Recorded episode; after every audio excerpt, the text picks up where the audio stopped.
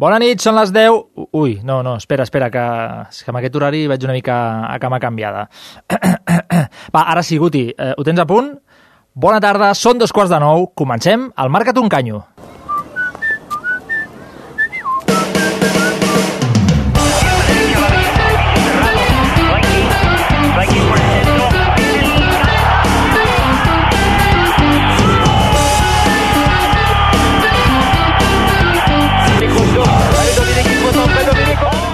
Benvinguts un dilluns més a la Casa del Futbol de Cultura FM, dia en què estrenem horari després de dues setmanes en què us hem tingut amb l'ai al cor per incompareixença. No tornarà a passar, no fallarem més, ho prometem.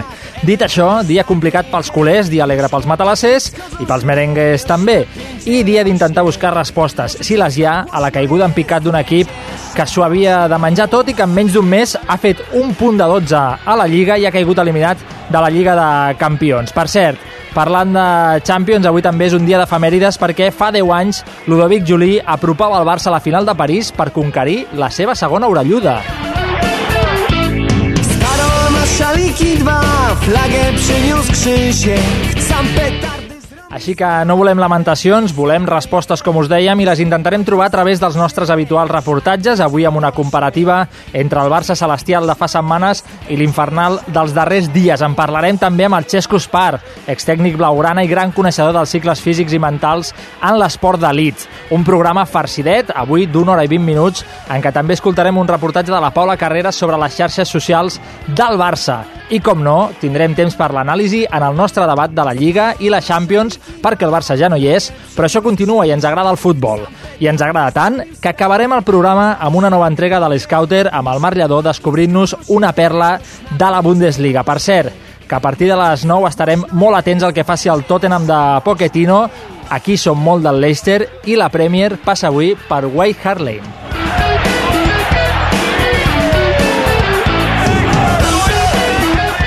I ja sabeu que podeu participar al programa des de casa i l'Aina Grau us explicarà ara mateix com fer-ho. Bona nit, Aina. Bona nit. Doncs mira, molt fàcil. Avui preguntem, el Barça guanyarà la Lliga? Eh, RT sí, cor eh, no. Ens podeu fer arribar la vostra opinió a Twitter amb twitter.com barra marcatuncanyo amb el hashtag l'arroba marcatuncanyo, a Facebook igual i també a l'email del programa marcatuncanyo arroba a culturafm.com. Perfectíssim, Aina, moltes gràcies. Per cert, que tenim una segona sorpresa per tothom que ens escolti. De fet, una mega sorpresa, diria, en forma de sorteig. Tenim una samarreta del Barça per vosaltres. Com us sentiu? La de la primera equipació d'aquesta temporada, que serà per algú dels que ens està escoltant i dels que ens segueix a les xarxes. I això que dic és clau, perquè només heu de fer dues coses molt senzilles. La primera, fer-nos follow a Twitter, fer-vos seguidors del Marcat Uncanyo, ens seguiu a arroba Marcat Uncanyo i ja teniu la meitat de la feina feta. I la segona, fer retweet al tuit d'aquest mateix sorteig que us expliquem i que hem penjat fa una estona al nostre compte. El trobareu a dalt de tot del timeline en allò que en diuen tuit fixat.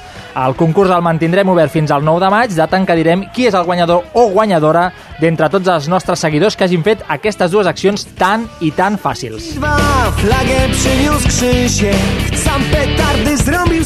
I explicada la sorpresa, les vies de so, com sempre, hi tenim el millor tècnic del món, el David Gutiérrez Guti, tocant els botons, i ara que passen uns 4 minuts de dos quarts de nou de la nit, toca situar-nos amb els highlights del cap de setmana de l'Aina Grau.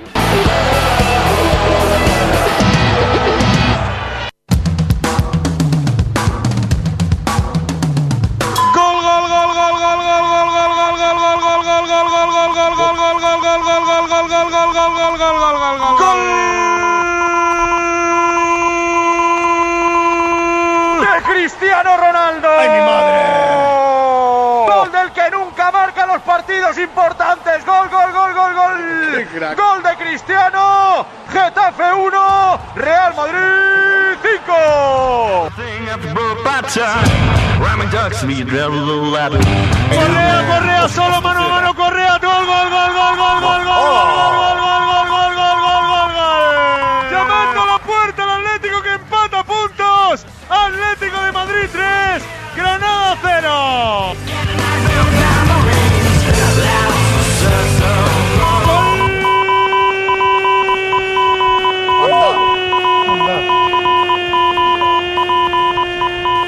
Busca Parejo, Parejo es posa a l'interior de l'àrea amb Santimina, el xut i el gol. En buena posición Santimina. Cruzó con la derecha por bajo. A la izquierda de Claudio Bravo. Neymar que la deixa passar per Alba, la centrada d'Alba, la rematada, gol! Gol, gol, gol, gol, gol, gol, gol, gol del Petitó, gol del Petitó, gol del Petitó, gol del Petitó, gol! Encara hi ha esperança, Barça 1, València 2! jugando como hemos jugado hoy vamos a ganar esta liga. Estoy convencidísimo de esto y soy muy optimista al respecto.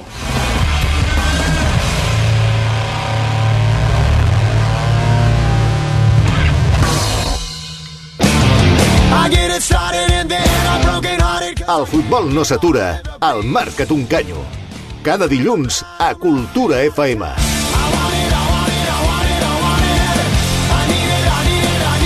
En res, anem a la teca amb els dos tertulians d'aquesta nit, que ja corren per l'estudi 1 de Cultura, Marc Lladó, creador del portal Blogo Bonito sobre futbol internacional i guru d'aquest programa descobrint nous futbolistes. Bona tarda, Marc. Bona tarda. I el Víctor Rodrigo, periodista i membre del programa de ràdios, el recomano, aquest, eh? La terrassa de Ràdio Vic. Bona tarda, Víctor. Bona tarda. Amb tots dos analitzarem aquesta desconnexió del Barça amb l'estocada final ahir contra el València. Farem la prèvia del Deport Barça de dimecres perquè això no té aturador i parlarem de la Champions. Tot, tot, tot, aquí mateix, en 10 segons. La tertúlia del marca't un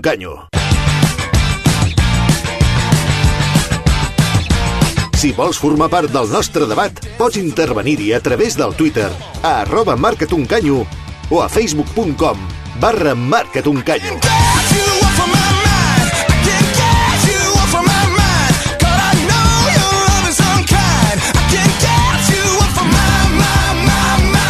El Barça porta un punt dels 12 últims a la Lliga, ha quedat eliminat de la Champions i tot plegat sense saber molt bé ni com ni per què ha passat.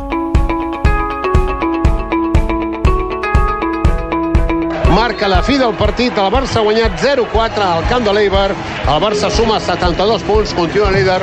Victòria incontestable del Barça, líder absolut de la Lliga. Ho xiula el senyor Pérez Montero al final del partit Barça 6, Getafe 0 el Barça que arriba al tram determinant de la temporada al 100% el Barça tornarà a perdre a Noeta el Barça haurà sumat un punt dels 9 últims que ha disputat. El Barça que es complica el campionat de la Lliga cares dels jugadors quan anaven cap al túnel de vestidors. Sí, després del primer gol veiem a Piqué dient lo mismo, vale, lo mismo, animant a tots els jugadors. Després d'aquest segon gol, ningú, ningú ha obert la boca, tots miraven cap a terra, mirant-se els peus. el Barça no ha pogut sumar cap eh, punt i per tant ara mateix la situació és la següent. El Barça continua sent el líder de la Lliga Espanyola empatat a punts amb l'Atlètic de Madrid.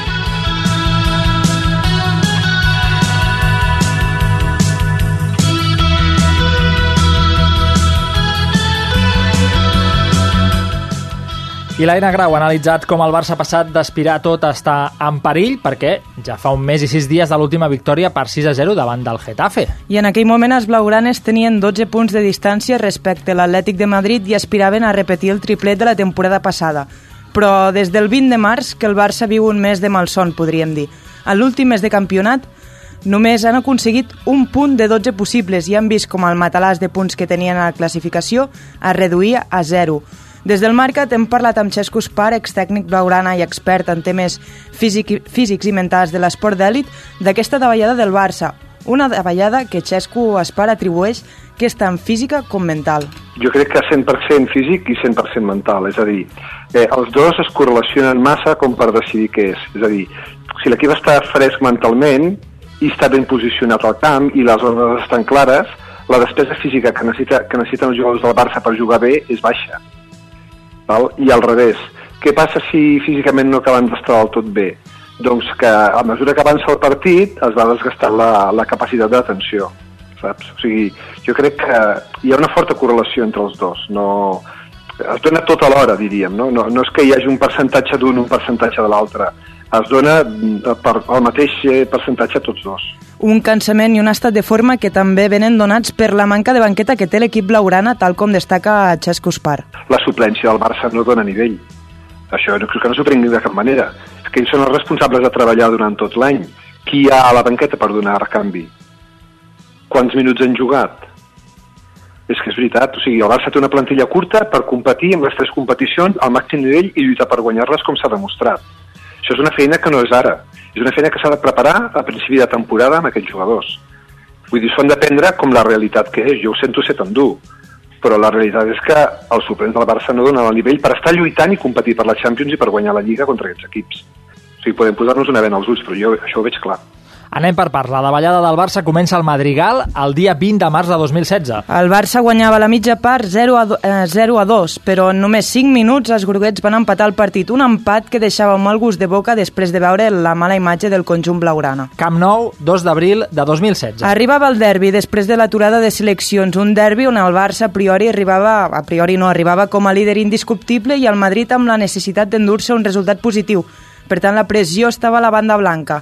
Els blaugranes es van aconseguir avançar gràcies a un gol de Gerard Piqué, però van veure com a la segona part el Madrid remuntava el partit i acertava el Camp Nou. A Noeta, 9 d'abril de 2016. Per refer-se del derbi, els, els blaugranes viatjaven a Noeta, camp on l'any passat el Barça de Luis Enrique va tocar fons, i aquest any mm, també. Un gol en l'única acció de l'equip donostiarra va fer que el Barça es deixés els 3 punts a Sant Sebastià la diferència de punts a la classificació es reduïa a 3. Camp Nou, 17 d'abril de 2016. I ahir va ser el torn del València, un partit on el Barça va fer esforços per guanyar, però la dinàmica negativa de l'equip era tan dolenta que veien la porteria de Diego Alves totalment petita. Y nada, solo queda que levantarse, mañana entrenamos, prepararnos, cinco partidos en los que si ganamos los cinco somos campeones, dependemos todavía de nosotros, eso sí, ya se acabó el crédito y somos conscientes del reto. Nada, lo vamos a afrontar con, como lo hace un jugador del Barça, con la cabeza bien alta. No quiero recordar que un equipo pierda de manera injusta para mí eh, algunos de los partidos que hemos perdido y, y todos seguidos. ¿eh? En Liga creo recordar que habíamos perdido dos partidos en las primeras 30 jornadas y en las últimas tres hemos perdido los tres. No és algo normal i habitual. Aquest mes de Lliga, en què el Barça només ha aconseguit un punt de 12 possibles, té la seva rèplica a la Lliga de Campions amb l'eliminació als quarts de final. Els homes de Luis Enrique ja van patir més del compte per superar l'Arsenal a vuitens. Un avís que el camí fins a la final de Milà no seria de flors i violes. A quarts de final, l'Atlètic de Madrid va posar contra les cordes al Barça al Camp Nou, però els dos gols de Suárez donaven l'avantatge als blaugranes de cara a la tornada. Al Calderón, una altra història. Els homes de Luis Enrique van veure com la manca d'encert i l'angoixa tornaven a aparèixer deixant-los eliminats de la Lliga de Campions quan només necessitaven un únic gol per ser a semifinals. Ens haurem de calmar tots una mica, respirar fondo, repassar tots els elements eh, que tenim sobre la taula per intentar explicar per què un equip que va marxar l'aturada de 15 dies per partits de les seleccions creient-se el rei del mambo i que podria guanyar-ho tot quan va tornar d'aquella aturada s'havia transformat en un equip amb molts més dubtes, amb molt menys futbol, amb molta menys capacitat de reacció, amb sensacions molt més negatives de les que tenia. I per trencar aquesta dinàmica, què ha de fer el Barça? Doncs Xesco Spar opina que el canvi de dinàmica vindrà si l'equip torna a jugar bé i amb tranquil·litat. Hi ha molta gent que està dient no, el Barça necessita un bon resultat per canviar la dinàmica. I jo dic, no. O sigui, bon resultat vindrà si l'equip torna a jugar bé. I si torna a jugar bé, vindrà el resultat. Però no serà el resultat el que canviarà la dinàmica. La dinàmica vindrà del bon canvi, de, de que la gent està posicionada, la gent no té ansietat, el, el Suárez no es posa fora de joc 5 o 6 vegades seguides, el Neymar obre el camp en lloc de tancar-lo, la defensa té seguretat, el mig camp ajuda a la defensa... Llavors jo crec que el primer canvi que s'ha de tenir és mental, però no és mental psicològic en, en, el, en el tema de, de motivació. Jo crec que contra la València van fer un partit bastant bo, no? però els va faltar aquest punt d'encert, potser. Llavors jo crec que el primer canvi és mental però tàctic. És a dir, que l'equip ha de tornar a jugar bé i amb tranquil·litat. I si torna a jugar bé amb tranquil·litat, ve la confiança psicològica, ve que no es necessita tant desgast físic, ve que l'equip està ben posicionat per recuperar la pilota i tot torna a funcionar. Jo diria que és mental primer, però mental tàctic. Un, ca un canvi que ha de començar en els entrenaments, tant a nivell teòric com pràctic, on s'ha de preparar la part pràctica perquè el jugador interioritzi els moviments i les ordres del partit. Jo el que penso que es pot fer no? jo hauria d'estar allà per veure-ho, no? perquè m'imagino que potser ja ho fan, no? però jo diria una cosa, els partits no s'han de preparar només amb vídeo i amb, i amb xerrada. Això és insuficient. S'han de practicar les coses, perquè el jugador ho interioritzi i en el camp surti automàtic. Perquè si només es planteja el partit, encara que es faci un bon plantejament, es faci un bon anàlisi de vídeo, si només es fa a nivell teòric, un cop comença el partit, el jugador s'oblida si no ho ha practicat. Què passa aquí? Ja tornem a estar, que si el jugador està cansat, és dur els 3 o 2 dies abans del partit entrenar-ho. Llavors potser sí que no es pot entrenar amb prou intensitat, però les ordres del partit s'han d'entrenar cada dia i s'ha de monitoritzar a curt termini. És a dir, cada entreno s'ha de veure si la cosa està remuntant. No és per al dia del partit, sinó això ser una cosa de pas a pas, però no pas a pas de partit a partit, és pas a pas d'entreno a entreno. Preparar molt bé el partit durant l'entrenament i després així t'assegures que el dia del partit sortirà bé. No preparar el partit en vídeo, preparar el partit explicar com volem que juguin i sortir a jugar. Seguiran jugant malament. A partir d'ara el Barça té un grandíssim repte endavant amb poc temps de marge, tornar-se a retrobar amb el seu futbol per aquí aconseguir un doblet que, com diu la plantilla blaugrana, seria històric. Fantàstica la peça de l'Aina Grau, gràcies al Xesco Espar que ens ha volgut atendre per posar llum a totes aquestes incògnites i ja vaig a la taula. No sé com expliqueu aquesta davallada del Barça. Víctor, Rodrigo, tu mateix. Jo crec que la davallada del Barça, eh, a part del, del, del començament de, del Madrigal, com ha explicat l'Aina, amb el, contra el Villarreal, jo crec que ve per dos, per dos punts claus. El primer és eh, la parada de seleccions, aquells 15, 15 dies de seleccions, que algú m'expliqui per què a l'abril, al març, es fan aquestes parades de seleccions que l'únic que fan, ja s'ha demostrat, és trencar equips i trencar dinàmiques eh, a les lligues eh, casolanes de, de cada país, i el segon és el partit contra el Madrid, que encara que em faci una mica de mal reconèixer-ho, ja ho diuen per allà a la capital madrilenya, que amb el gol de Cristiano sembla que tu, tots els ànims del Barça, tots els ànims de l'equip se'n vagin al terra i el que deia Xesco Espar de que, eh, perdó, Xesco Espar, eh, Lucho de que els jugadors del Barça han d'enfrontar això amb, amb el cap ben alt, jo el cap ben alt poc l'he vist en aquests últims partits i jo crec que eh, la dinàmica està sent molt negativa i això s'ha d'aixecar, no sé ni com, però s'ha d'aixecar segur, si no es perdrà la Lliga. Però a mi se'm fa, se'm fa molt complicat a analitzar el que està passant perquè és, és incomprensible. Vull dir, és, ja, ja ho ha dit Lucho, vull dir, eh, vam fer una ratxa de 36 partits i de repent de, de, de 5 o 6 en guanyem un i per una rauxa de, amb els dos gols de Suárez a la Champions, però la resta és el que, el que comentava amb, amb els braços abaixats, al cap cot, eh, zero reacció mental a, a les normalment comencem perdent els partits, per tant no sabem, no sabem reaccionar. Jo crec que sí, el Madrid eh, reconec que va ser un cop molt dur i que aquí no ens el van prendre, bueno, tant premsa com, com aficionats els en van prendre com, bueno, no passa res, uh, estan celebrant una victòria, estan a 7 punts. Vull dir, diguem que ens vam, ens vam prendre la derrota d'una manera massa relaxada, probablement l'equip també ho va fer, però a part de la parada de, de seleccions i el Madrid, crec que el tema va més enllà. Ja ho comentava el Xesco amb el tema de la banqueta, o sigui, la preparació de la temporada no ha sigut bona, probablement ens ha penalitzat el Mundialet, que semblava que no, que ho havíem fet bé, que al pic de, del mes de febrer doncs, no, no, ho havíem, no ho havíem patit, ho estem patint ara, i al mig del camp, per mi és clau al mig del camp. O sigui, d'acord que el trident no està, no està fi, però Busquets és lamentable a l'estat amb el que està l'últim mes. Està completament fos. Està completament fos i en, tal com tenim definit aquest esquema a, a Can Barça ara mateix, el mig del camp és clau per, a, per, a, per aguantar la resta de l'equip i ja estem naufragant. De fet, els millors, els millors a part d'Iniesta, l'únic el físic no li dona per, per tapar el lateral i per fer funcions eh, defensives, són els dos centrals Vull dir que no és allò que dius, no, és que tenim un problema defensiu, encaixem molt... No, bueno, tenim un problema defensiu, però global, amb el mig del camp, perquè els hi arriben com ens arribaven quan el Tata, si us recordeu, Mascherano i, i Piqué amb, amb el Tata van rendir igual, van rendir bé. L'únic que Busquets no, pogué, no podia amb tot, perquè aquell Busquets sí que era, sí que era fenomenal, però els interiors no rendien, el, els de dalt no, no pressionaven, doncs és el que està passant ara. Estem revivint els mals de l'any del Tata.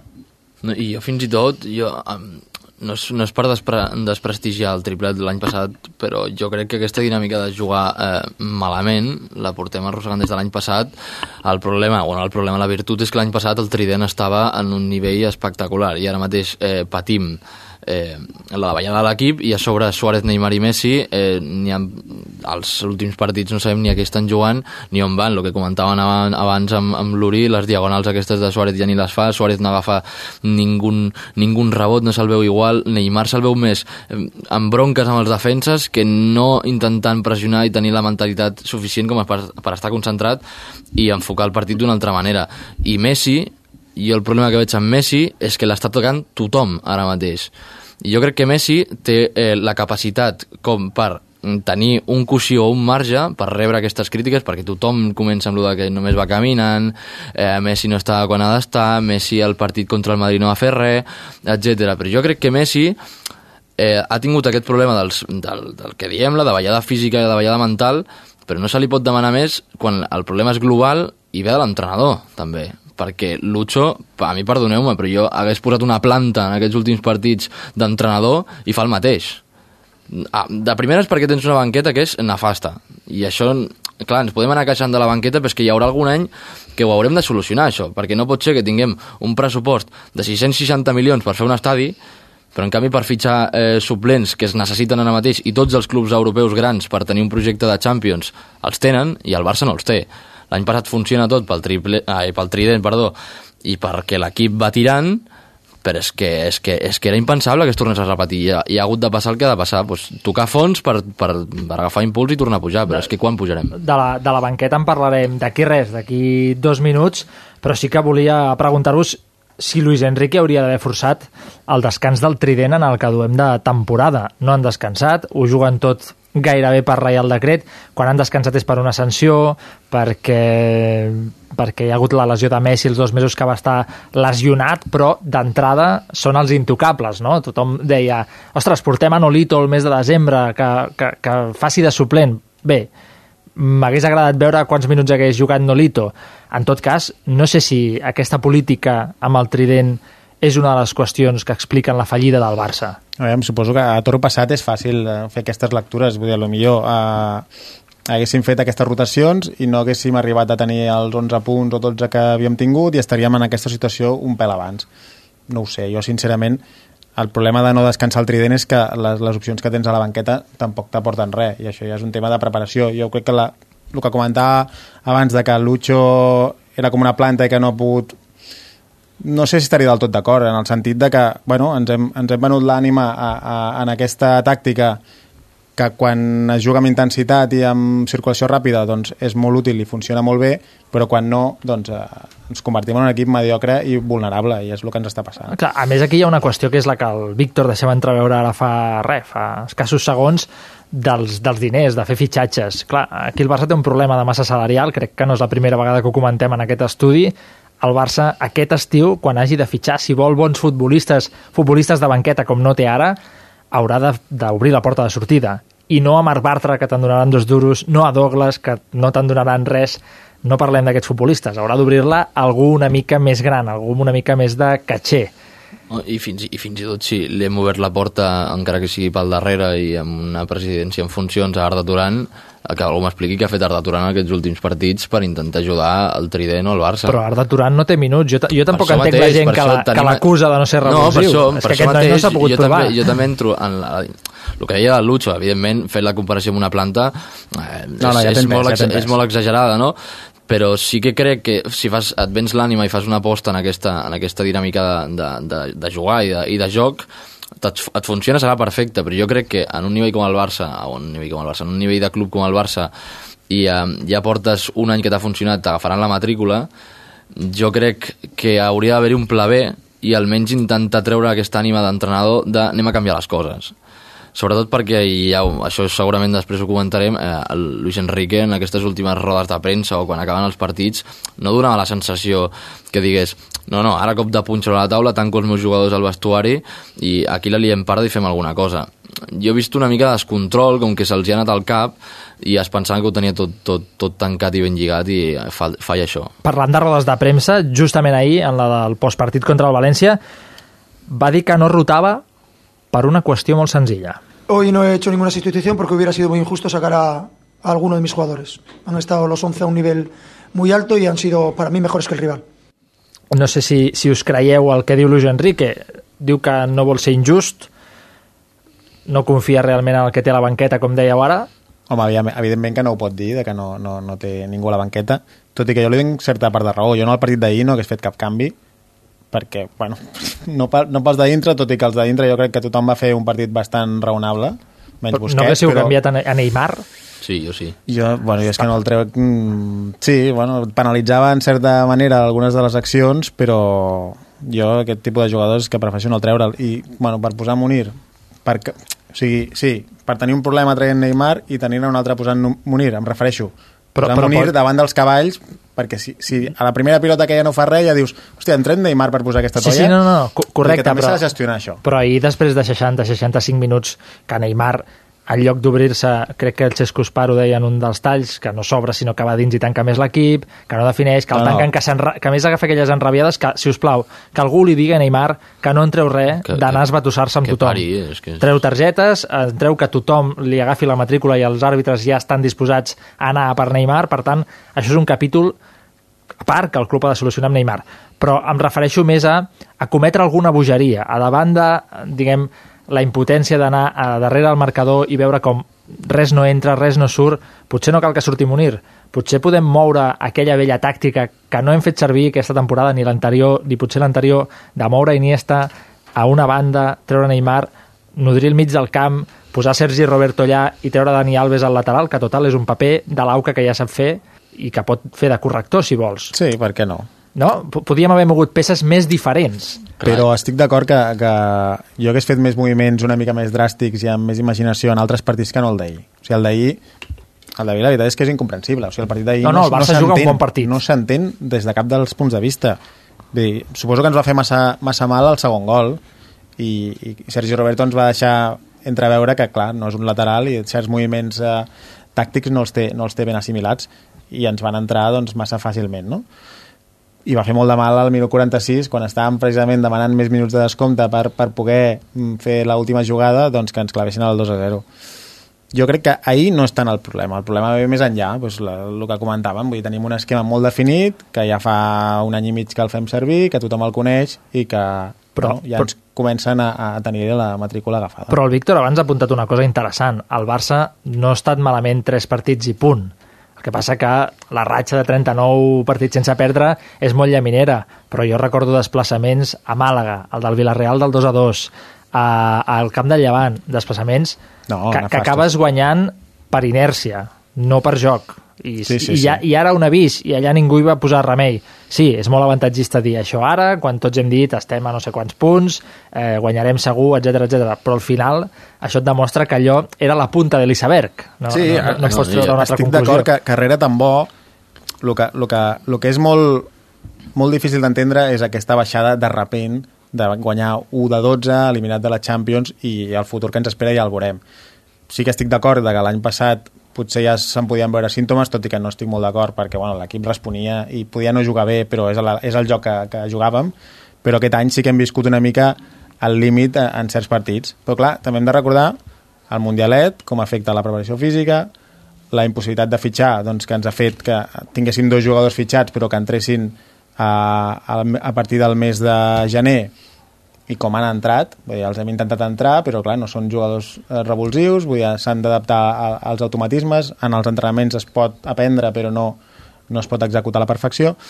bueno, són una sèrie de circumstàncies que no expliquen aquesta davallada de cop, però que poden explicar si ho mirem una mica més a, llarg plaç. No, i jo fins i tot dins, dins d'aquesta davallada, clar, jo, jo entenc, jo, jo sóc dels que l'any passat creia que fa, començaven a haver-hi símptomes de que fallaven moltes coses i la inèrcia, com deia l'Uri, de guanyar partits funcionava i el trident, doncs, evidentment, teníem tres dels millors davanters, davanters de, del món, però clar, és que el, el problema és ens podem queixar del Mundialet, ens podem queixar del, dels vols transoceànics, ens podem queixar, queixar del, dels desplaçaments, però és que Luis Enrique pels seus, pels seus equips sempre s'han caracteritzat perquè la seva preparació física sempre arriba molt bé a final de temporada i ara veiem que aquest any, tant físicament com mentalment, com deia el Xesco Spar, eh, no, no, no funciona, no? ha passat alguna cosa per aquí que no, no funciona.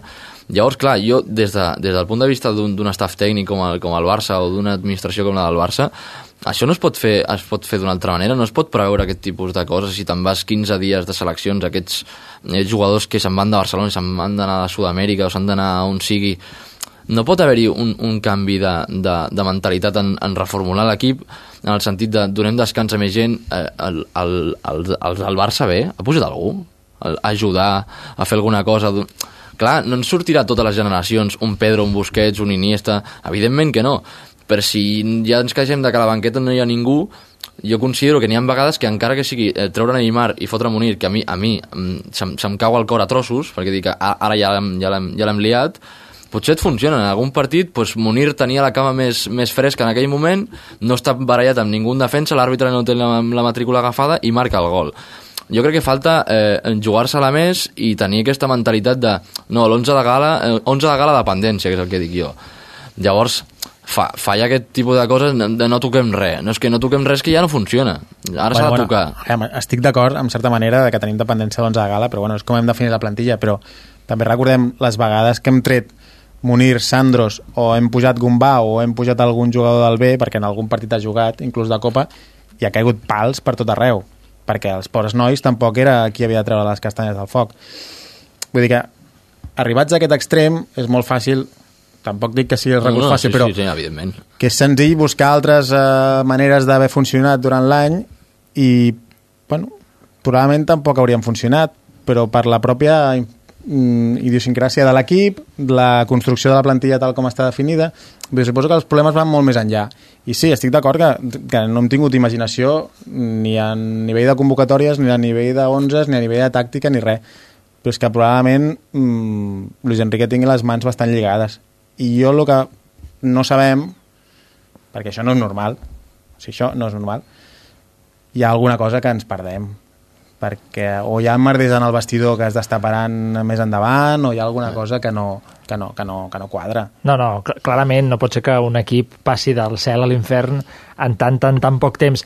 Sobre el que deia el Víctor de, del B, de portar jugadors nous, també és cert que Luis Enrique sempre ha defensat que ell tiraria de jugadors joves sí, si els veia bé. Per tant, això em fa pensar, i veient el Barça B ja us sí, ho dic clar, ara, clar. que tampoc són una joia, que, que em pots rescatar un o dos, sí, Samper... Sí, però si ens eh... de que la, el banqueta pròpia ja són tot un conjunt de tolles. Clar, però que al final aquest recurs que tu comentaves no existeix aquest any. És com anar a posar la mà en un sac que està buit no hi tens els carmels, no, no, no, no pots atrapar res eh, com quan anaves a buscar a altra gent ni que sigui l'any que treus a Jeffren Suárez, no? Jeffren ja se't veia que no tenia un futur... Eh... No, Isaac Cuenca. Ja Isaac Cuenca, Isaac Cuenca, correcte, i on està ara Isaac Cuenca? Tello, no? Són futbolistes que en un moment concret t'han servit i eren joves que pujaven del planter. Si aquesta vegada l'entrenador ha decidit no agafar-ne cap, suposo que deu ser sota alguna premissa. No crec que Gerard López li hagi dit no em toquis els meus futbolistes de segona B. Ho, ho dubto. Sí, no, no, se'm, fa, no. se'm fa difícil de, de pensar. Per tancar aquest capítol, ja han sortit noms. Ha sortit Neymar, amb el que ja li hem tirat les primeres pedres. Tenim a Messi, tenim a Suárez. Què li passa a aquest trident, objectivament? Seríem capaços de, de buscar explicacions al que li passa. No, jo crec que és com el que diu el Marc, que eh, aquí hi ha una cosa que ens perdem del trident, que és que alguna cosa ha passat.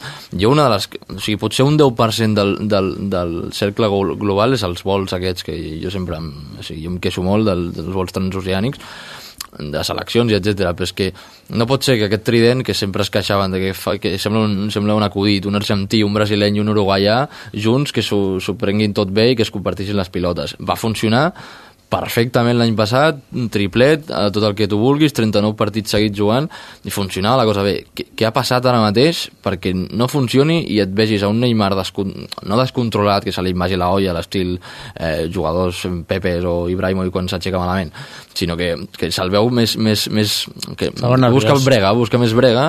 Eh, Suárez, eh, que no és aquell jugador que li tiraves una pilota una pedra i te l'enganxava, però si no l'enganxava buscava un altre, sinó que està com molt més apagat, i Messi, doncs, bueno, aquestes èpoques de Messi que sembla que se li apagui el llum i no funcioni. Però, però vols dir que això és perquè entre ells no es porten no, tan no, bé no, com no, no, un no, no, jo crec que... No, no, no, no, no, jo no, jo no, jo no apunto cap allà, sinó que alguna cosa als tres els hi ha hagut de passar o dins del vestuari o que es veuen apagats els tres no, no com a conjunt, eh? sinó que potser un està malament, els altres dos no tiren per la dinàmica de l'equip.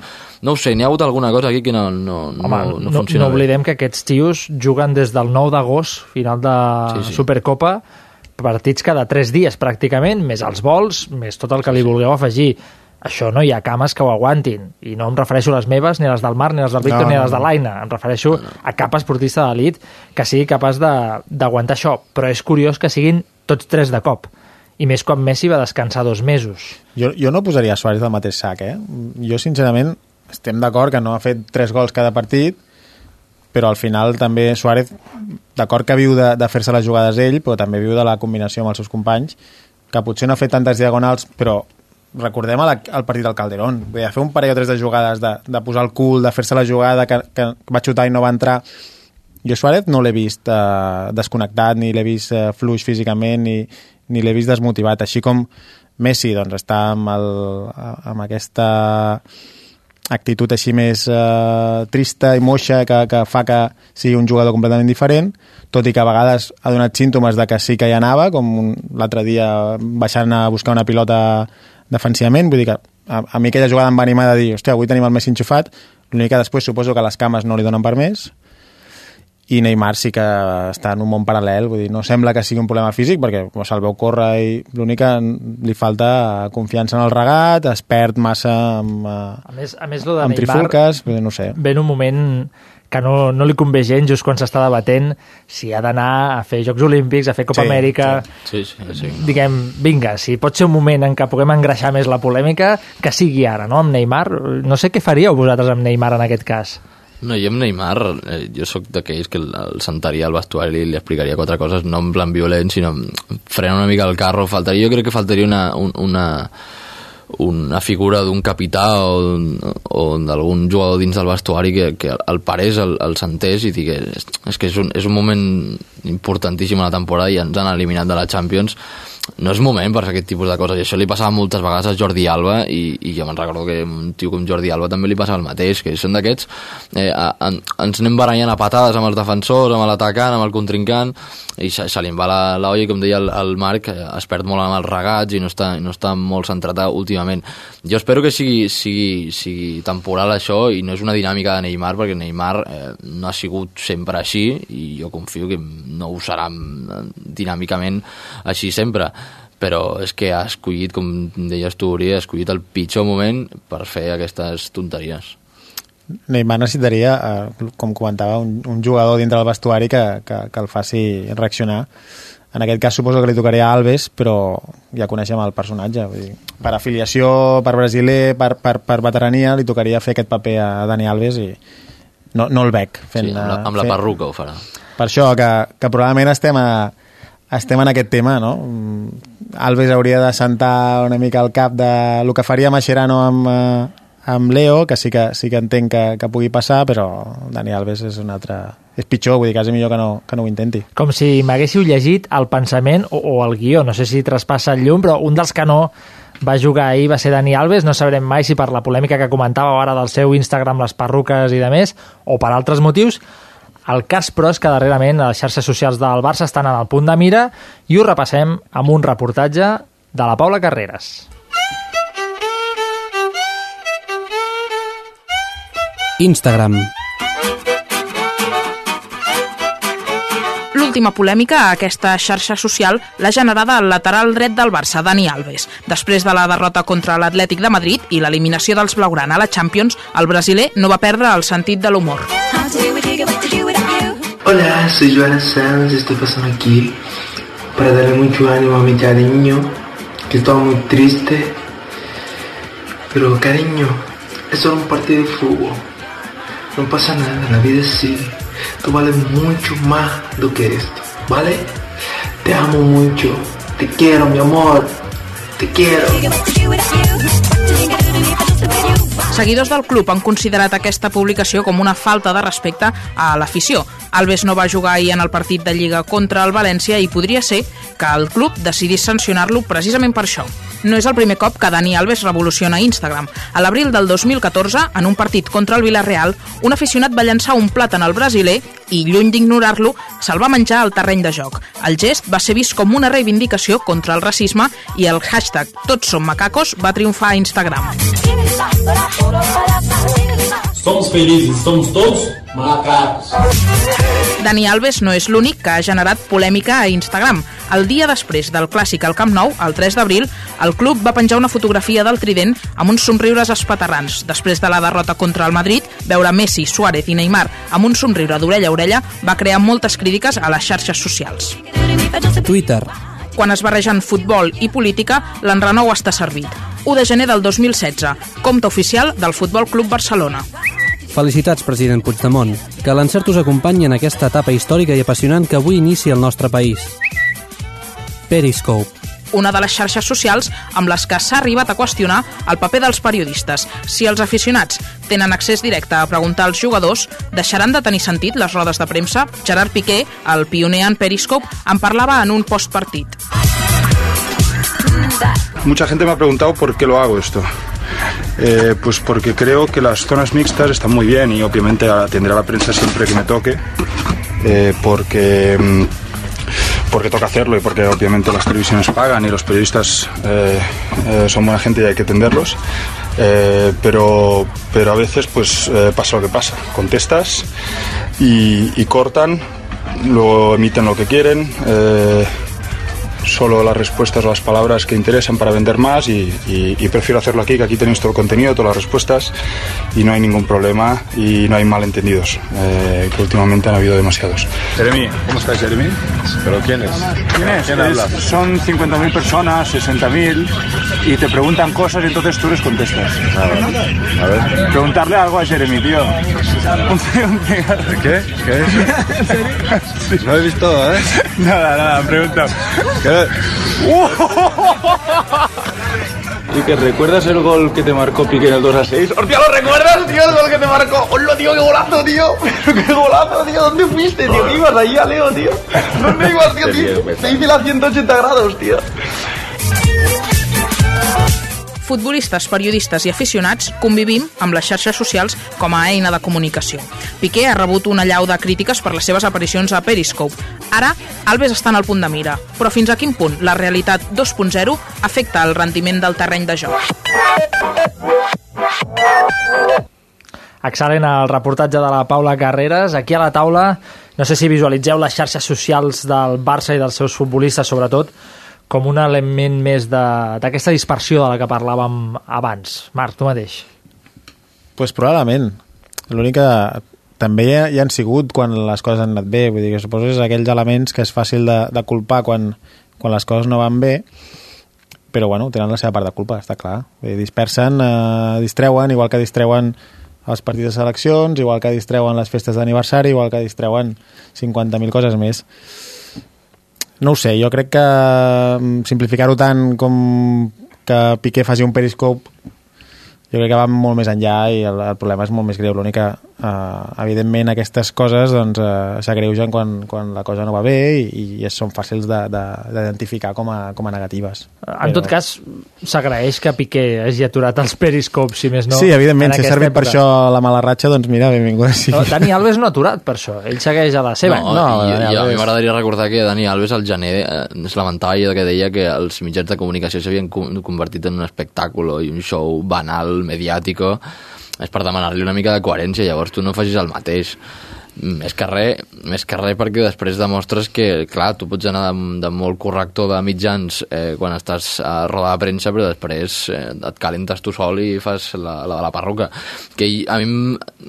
Jo també vull pensar d'una altra manera, per, per, per tenir una ambigüitat, perquè va haver, van haver-hi gent que em va, em va posar el dubte al, al cap, que era de que Dani Alves feia això per emport, arrossegar tota la pressió mediàtica cap a ell, com una cortina de fum, que es pensessin, o sigui, que parlessin més de la seva tonteria aquesta de, l'Instagram, que no atacar contra Neymar, Messi i almenys Neymar, que va jugar bastant eh, picat a, a l'últim partit, i com centrar-hi l'atenció mediàtica. A l'estil Mourinho quan ho feia, per, que ho, ho va dir, de que meteros conmigo y no con mis jugadores. Vaja, Eh, jo, ho veig, jo ho veig com un, una, una d'aquestes conspiracions En tot cas, mundiales, Dani Alves però en és tot així. cas és una tonteria. Dani Alves és així i se'l Sí, no compra o no se'l compra, no? Sí, però després Fa 8 d'una- anys que és després així. d'una derrota així, i de la ratxa en la, en la que vens... Però, no però, hi ha una, però hi ha una cosa curiosa. Quan, quan les coses van bé i Dani Alves també està igual de boig, ens n'alegrem molt. És a dir, el personatge és així. A mi no. A mi no m'agrada. Quan es... No, però hi ha gent que li riu les gràcies. Clar, perquè aquest és el problema de la gent en si mateixa. Vull dir que al final... Estamos todos bien cuando va bien. No, no, no, no sé si ens hauria de, preocupar, o si al món li hauria de preocupar les xarxes socials de determinats futbolistes, siguin de l'equip que siguin, sinó que aquell futbolista sigui professional i al camp ho doni tot. Sí, és que i després això, que és més, és més titular. Jo me'n recordo que llegint el, els, els titulars mitja hora després de que el Barça perdés contra el Madrid, era més, més, més portada els tuits entre Arbeloa, Piqué o el, que el que fos, que no l'anàlisi del partit en si mateix o les conseqüències futbolístiques o esportives.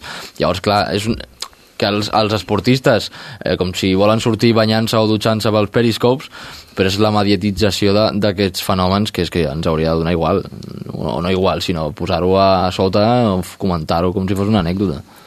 Vaja, sí, sí. jo. Estic d'acord que entre tots ho estem alimentant, perquè al final hi ha personatges que són així i els hem d'acceptar amb tot el paquet. Igual que Piqué. Piqué està rendint. Vull dir, no per fer periscops està jugant pitjor o està més descentrat. Luis Suárez, eh, podem criticar que amb els cops de colze i certes actituds doncs, és molt problemàtic, però es va amb el pack, vull dir, o te'l quedes amb això o, o no serà tan bon jugador, igual que Risto en el seu dia doncs era molt agressiu, però és que aquesta agressivitat mm, també la portava quan tenia la pilota i això feia un plus de jugador. Per tant, al final és quedar-se amb el paquet de tots. El problema que té ara Dani Alves és que no rendeix com quan va arribar perquè també era així, també era igual d'estrident, també vestia com vestia, també feia declaracions contra la premsa, però clar, era un lateral dret impressionant. Ara és un bon lateral dret que té dies bons i té dies nefastos. I clar, eh, aquest és, aquest és, aquesta és la història, jo crec, que si, si, si ens quedem als personatges ens els quedem completament. Per cert, eh, deixeu-me dir que abans no ho he posat eh, al dia perquè ja fa una estona que han marcat, però que està guanyant el Tottenham al Vamos. camp de l'Stoke City amb gol de Harry Kane, 23è gol de Harry Kane aquesta temporada. Déu-n'hi-do, déu nhi déu el davanter anglès que anirà a la Euro. Sí, home. Anirà a la Euro amb Jamie Vardy, si tot va bé, si cap dels dos es lesiona. Sí, sí, Gran home. davantera i em ve, em ve molt de gust veure aquests dos com funcionen en una Euro, perquè clar, una cosa és a casa, amb els seus... No, no, i l'equip anglès que ha fet una gran uh, fase de classificació i està, està molt interessant. el seguirem de, de prop. Sigui com sigui, uh, tornem al Barça, el Barça ara mateix té 5 finals per davant i precisament Luis Enrique s'hi va referir ahir després del partit. Ahora lo que afrontamos es un reto maravilloso, diría yo. Cinco partidos en los que si ganamos los cinco somos campeones y ese es el reto a la altura de nuestro equipo. Un reto único, un reto difícil por la situación en la que estamos. Creo que he jugado ocho años como jugador en el Barça y este es mi segundo como entrenador. Nunca he visto un Camp Nou tan volcado como un equipo que está en una situación como la que estamos nosotros. Un equipo al que la suerte no le, no le sonríe.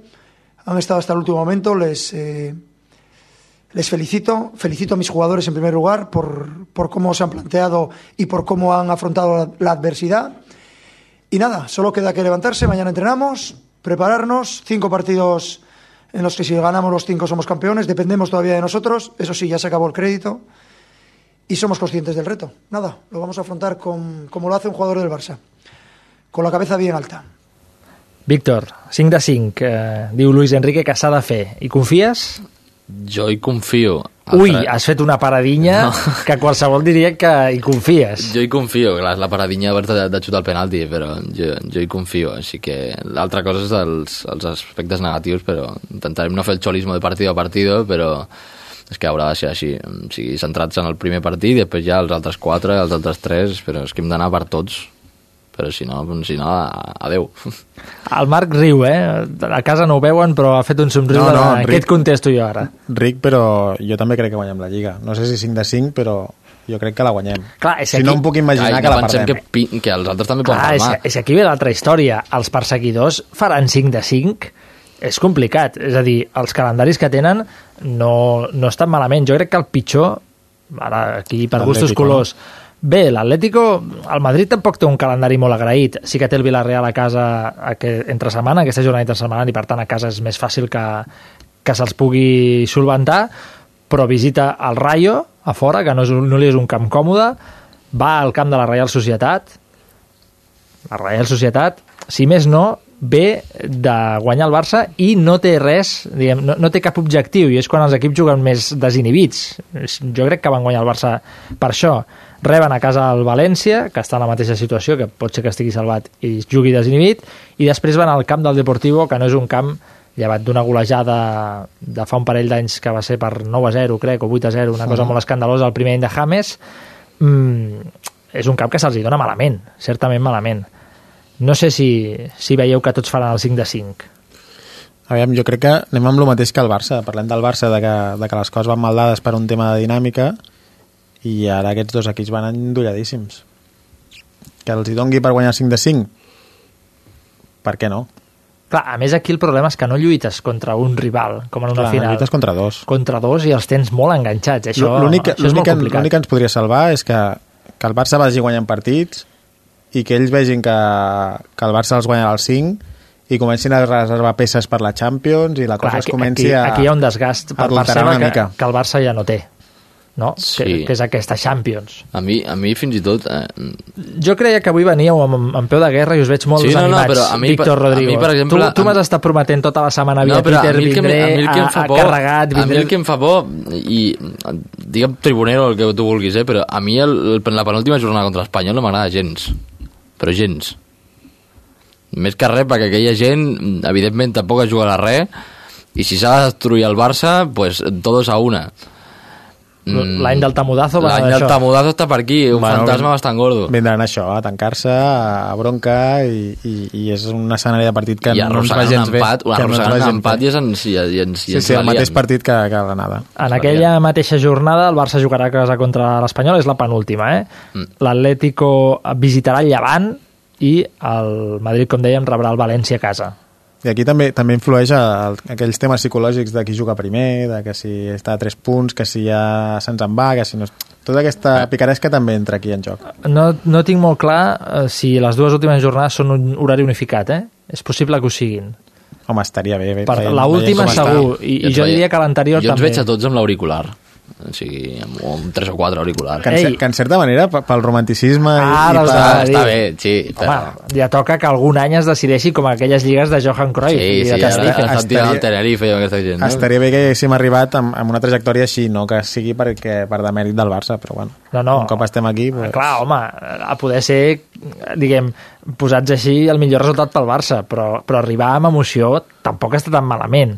Per, per la sí, Lliga, clar, eh, pel però futbol. depenem, el Barça depèn d'ell mateix, però és que això és una virtut i també és una desgràcia perquè si segueix la dinàmica així, dependre de tu mateix eh, et, pot, et pot perjudicar si, el- si depenéssim també de que si perdem nosaltres i el Madrid perd, doncs que hi haguessin caramboles, però és que depens absolutament de tu mateix tant per, per guanyar-ho tot o per perdre-ho. Llavors, eh, ai mare.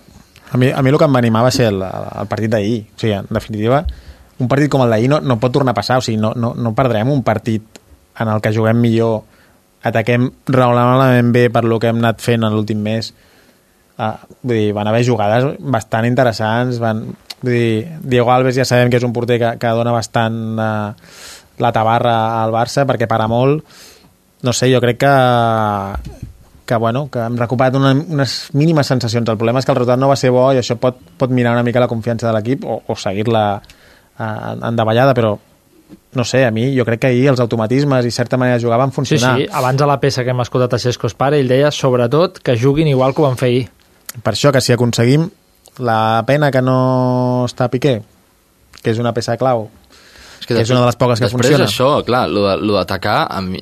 Clar, jo estic d'acord que contra el València pues, va funcionar la cosa i tal, però a mi el que em preocupa moltes vegades és la, la, la defensa. Ens arriben com si fossin a vegades un equip de levins.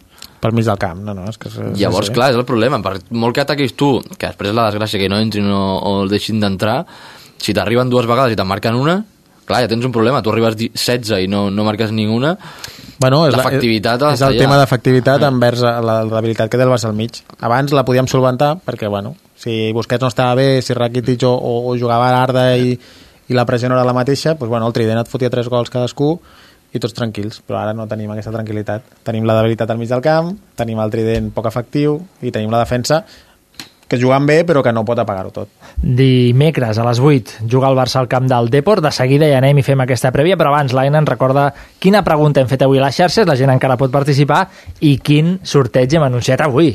Anem primer a la pregunta del dia. El Barça guanyarà la Lliga RT sí, l'equip sortirà picat. Cor no, el Barça sortirà tocat. Ens podeu fer arribar la vostra opinió al facebook.com barra marcatuncanyo o a twitter a arroba marcatuncanyo i també al mail del programa marcatuncanyo arroba culturafm.com al final del programa, com sempre, llegirem totes les vostres opinions i repassarem els retuits cors que feu via Twitter. I com deies, Uri, el premi amb majúscules. Amb majúscules molt, molt, molt, molt grans. Sortegem una samarreta del Barça entre totes aquelles persones que facin follow al nostre compte de Twitter, arroba marcatuncanyo, i facin un RT del tuit que hem fixat a dalt de tot del nostre timeline i que menciona precisament aquest sorteig. El dia 9 de maig, el guanyador. El futbol no s'atura, al Marca't un canyo. Cada dilluns a Cultura FM.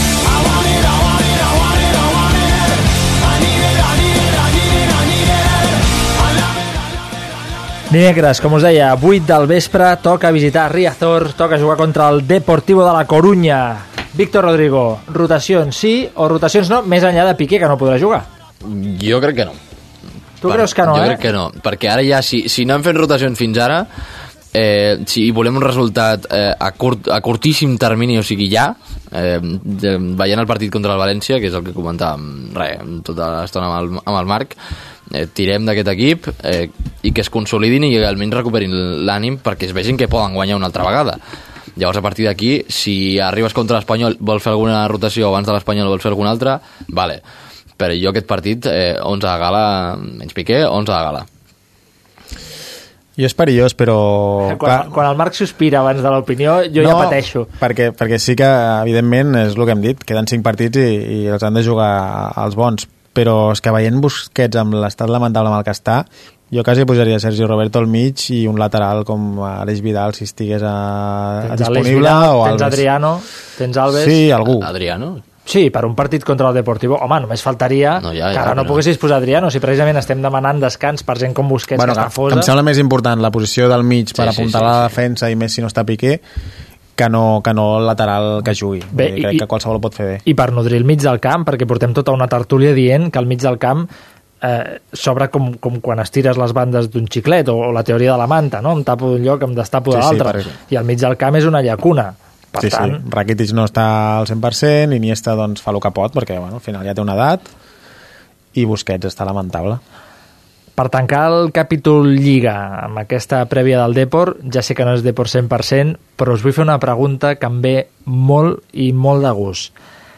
A data d'avui, el Marc abans l'ha contestat amb una resposta amagada. Qui guanya la Lliga? A data d'avui. A data d'avui, qui creieu, veient els calendaris, veient l'estat anímic, veient com arriben un i altre equip, després de les últimes 24 hores, qui creieu que guanya la Lliga? No qui voldríeu, atenció, la pregunta no és qui voldríeu, que pot coincidir, però qui creieu que la guanya? Qui creieu? Ara mateix. Uh -huh. Sí, sí, no t'ho puc preguntar més vegades perquè Sí, ens no. trucaran des de direcció i ens diran que s'ha acabat el programa. Jo crec que ara mateix eh, la guanyaria el, el, el Barça. El Barça. Marc Lledó. Sí, jo com dius, ja, ja ho he dit abans, jo crec que la guanya el Barça. Jo si hagués de posar diners, posaria pel Barça. Espero que no equivocar-me. Depèn dels diners que hi posis. Eh, no, no, cas- no, no em posaré, no em posaré, però, No tampoc. però encara crec que amb, amb les mínimes sensacions positives que en poguéssim treure del partit d'ahir, crec que ens hauria de donar suficient com per guanyar la Lliga. Home, no dic els 5 partits, dic la Lliga. Home optimista el Marc Lledó, home optimista Víctor Rodrigo, dona optimista Aina Grau? No. No. Qui diries que guanya la Lliga, Aina? Ara mateix al Madrid, Real Madrid. Aposto. L'Atlético ja eh, fora de totes les apostes. més clar que pot punxar, a més a més té la Champions i aquest factor al Madrid el veig molt fort. Perfecte, doncs tenim dos vots pel Barça, un pel Real Madrid, per un dels perseguidors. A veure com acaba això, però ara anem a parlar una mica de la Champions League. Hello, Slaven Milic is here, West Ham manager. To all the listeners of Markat, you all the best and take care.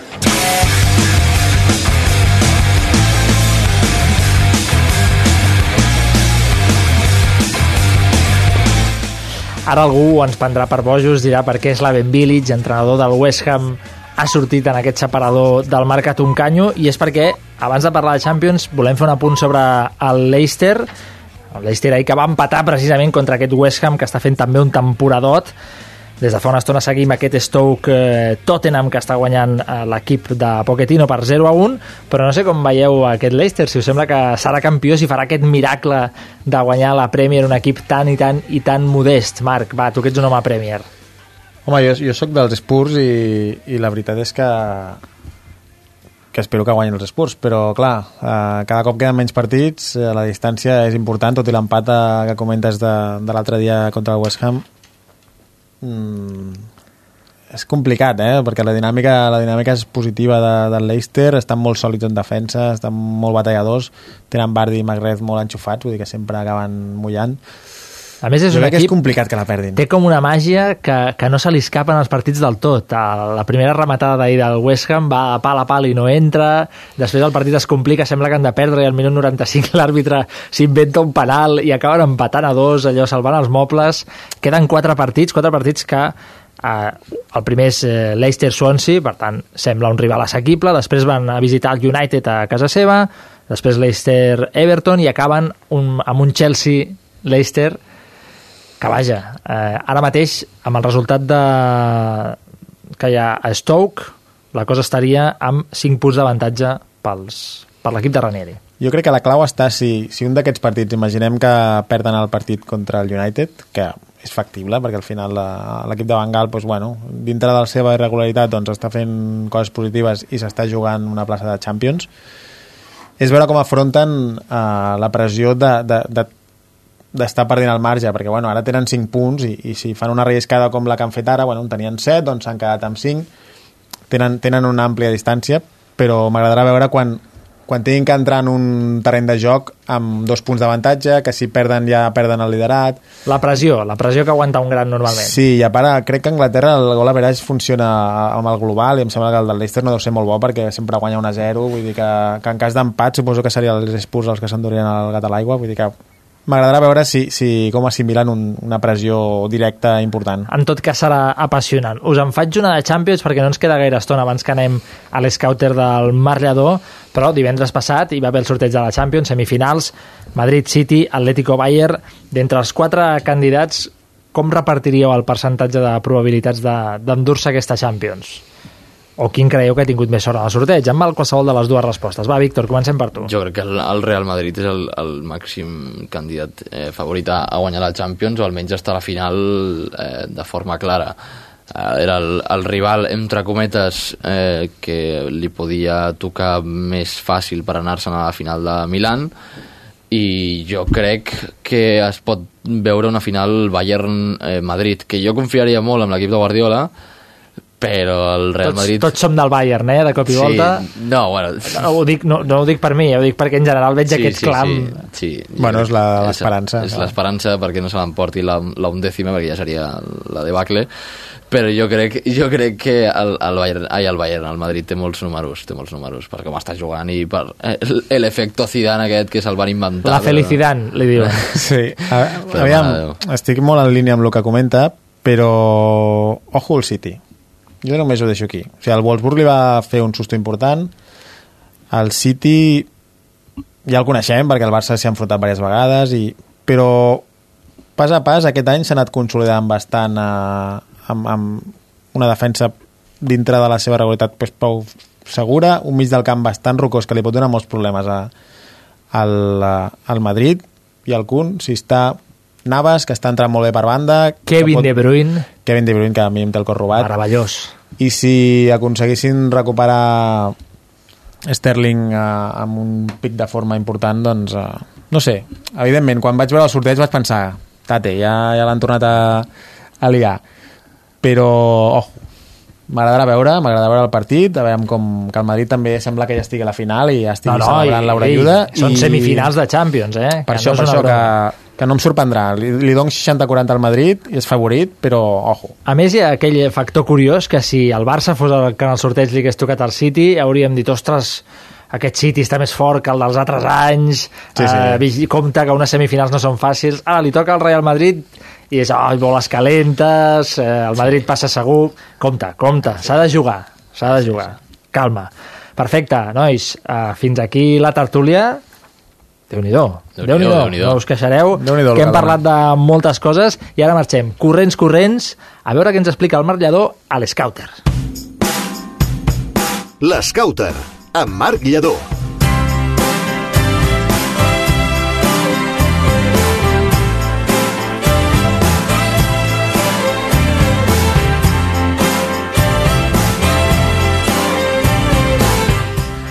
Lledó, de qui ens parles avui, va?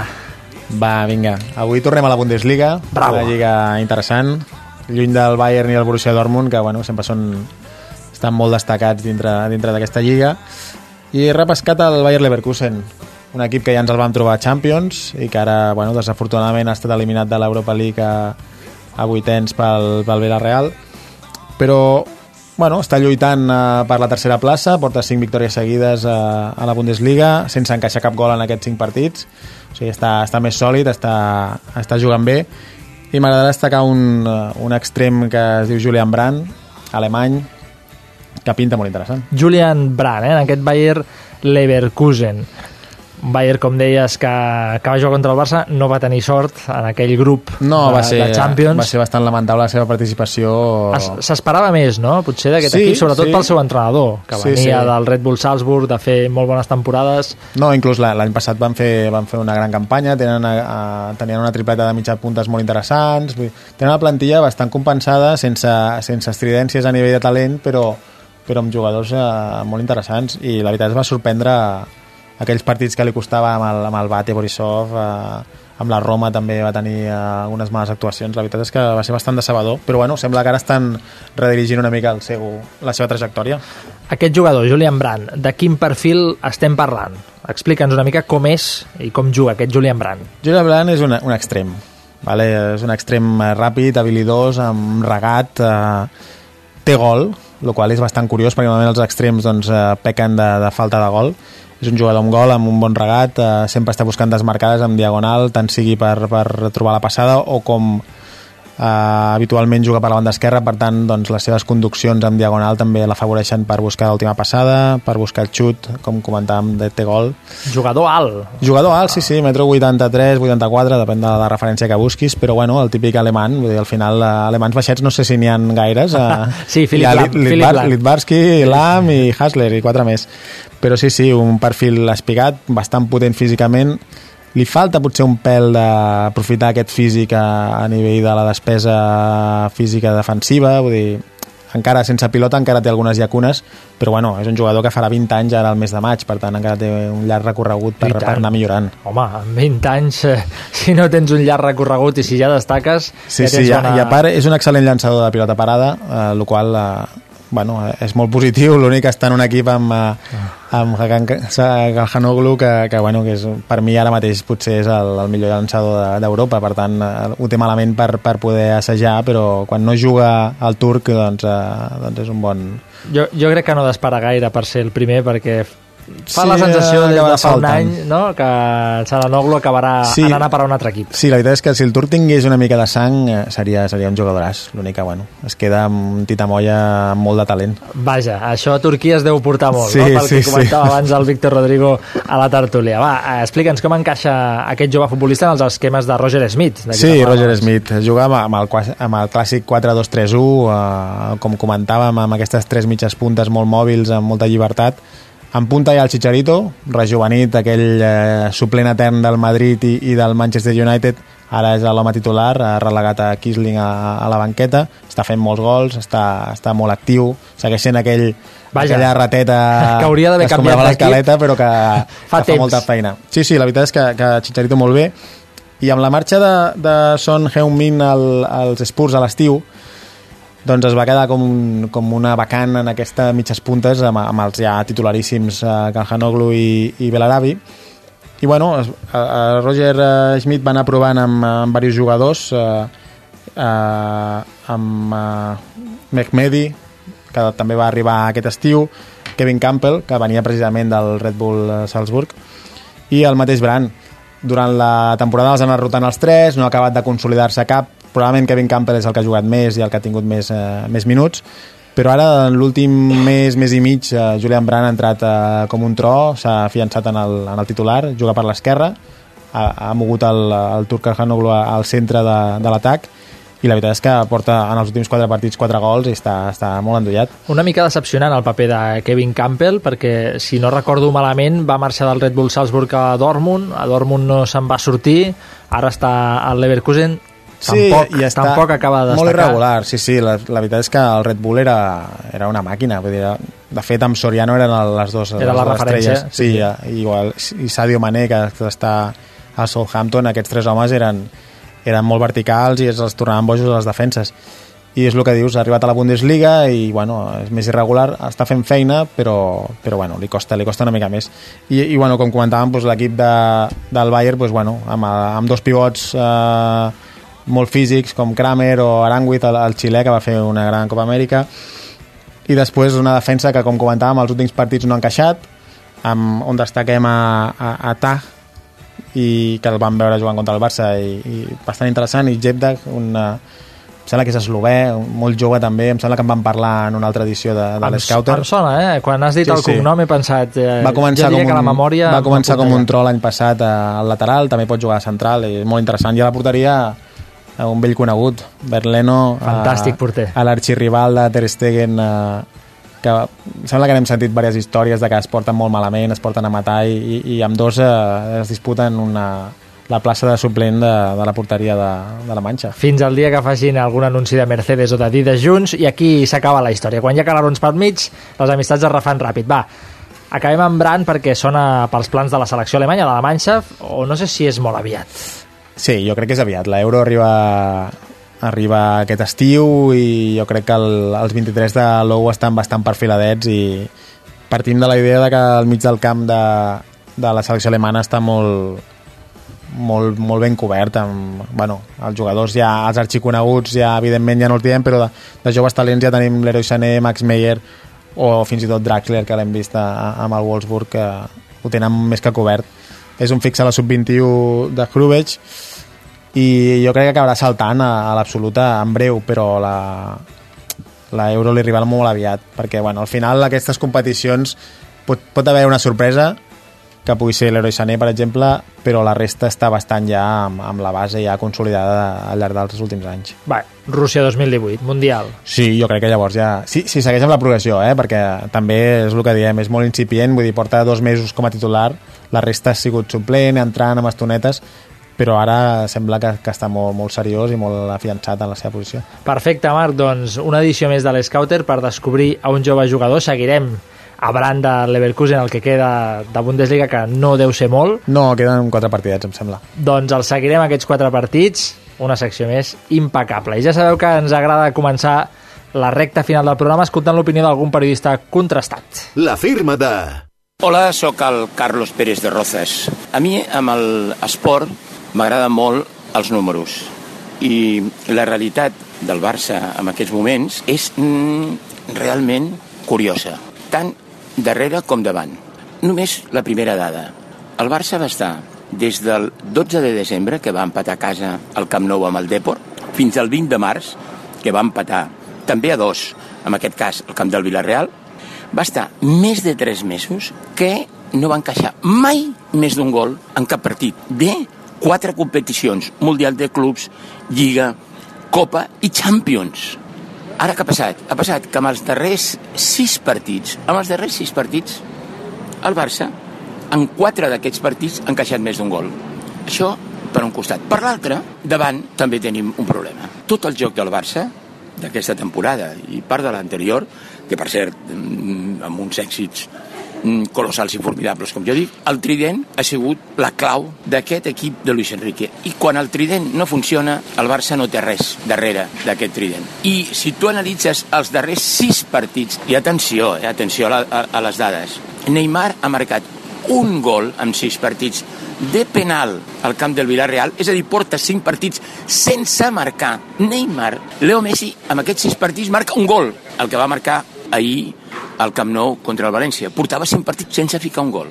I finalment, Luis Suárez és veritat que no juga a Sant Sebastián contra la Real Societat, però ha jugat els altres 5 partits i d'aquests 5 partits en 4 no ha marcat. Només ha marcat els dos gols contra l'Atlètic de Madrid a la Champions. I després, el mig del camp és un problema. Jo crec que el Barça té que tornar a la seva manera d'entendre el futbol. Per tant, eh, per acabar, jo sóc un optimista, molt optimista, tothom eh, em reconeix com, com, com un dels periodistes més optimistes sobre el Barça de, dels darrers anys, i, jo crec que encara el favorit per guanyar aquesta lliga i fer el doblet amb la Copa del Rei, sempre respectant moltíssim eh, els, els rivals, eh, és el Barça. El Barça encara, encara, encara depèn del Barça que el Barça guanyi aquesta lliga i per tant el que té que fer és guanyar els cinc partits. Jo tinc confiança en aquest equip, aquests jugadors es mereixen també eh, la prova està en que els seguidors, els aficionats del Barça estan amb l'equip perquè aquest equip ha donat moltíssim i aquests jugadors han donat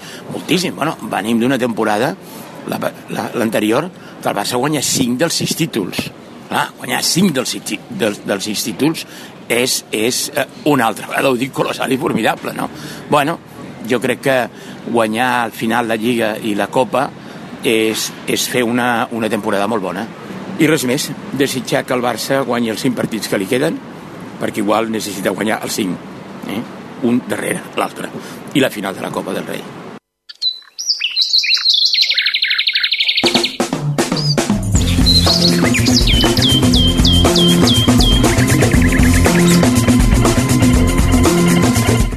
I ja tenim a l'Aina Grau a puntet per explicar-nos què hi la gent a les xarxes, a Twitter, a Facebook i al mail.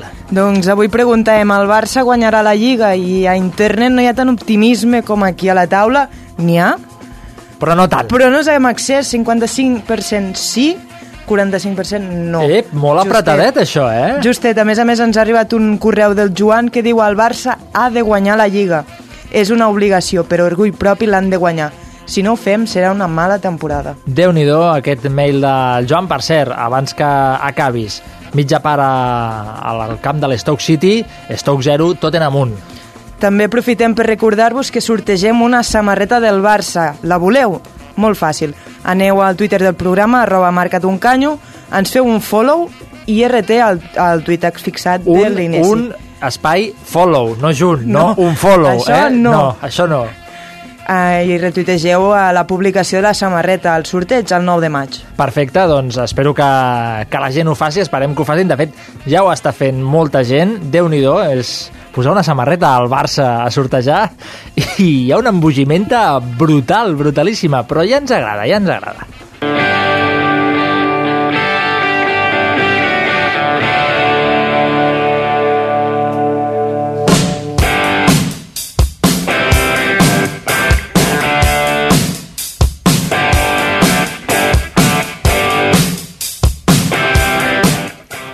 Quan falten eh, dos minutets per acabar el programa d'avui, tanquem la paradeta, la setmana que ve hi tornem. Ara ja ho sabeu, cada dilluns de dos quarts de nou a 10 de la nit. No teniu excusa per no escoltar-nos perquè les sèries a la tele comencen més tard. Eh? Allò que us passava abans de no, no puc mirar, Merlí, nit i dia, i aquestes històries, no. Això ja no, ja no ens val. Us volem aquí cada dilluns a la tarda. Gràcies un dia més a la redacció del programa, a l'Oriol Cortés, a la Paula Carreras, a l'Aina Grau aquí present i, com no, al Guti, al control tècnic i als tertulians, sobretot, un agraïment i mil petons. Víctor Rodrigo i Marc Lledó sou uns mestres. I els de casa, bona setmana i que el futbol us acompanyi. You,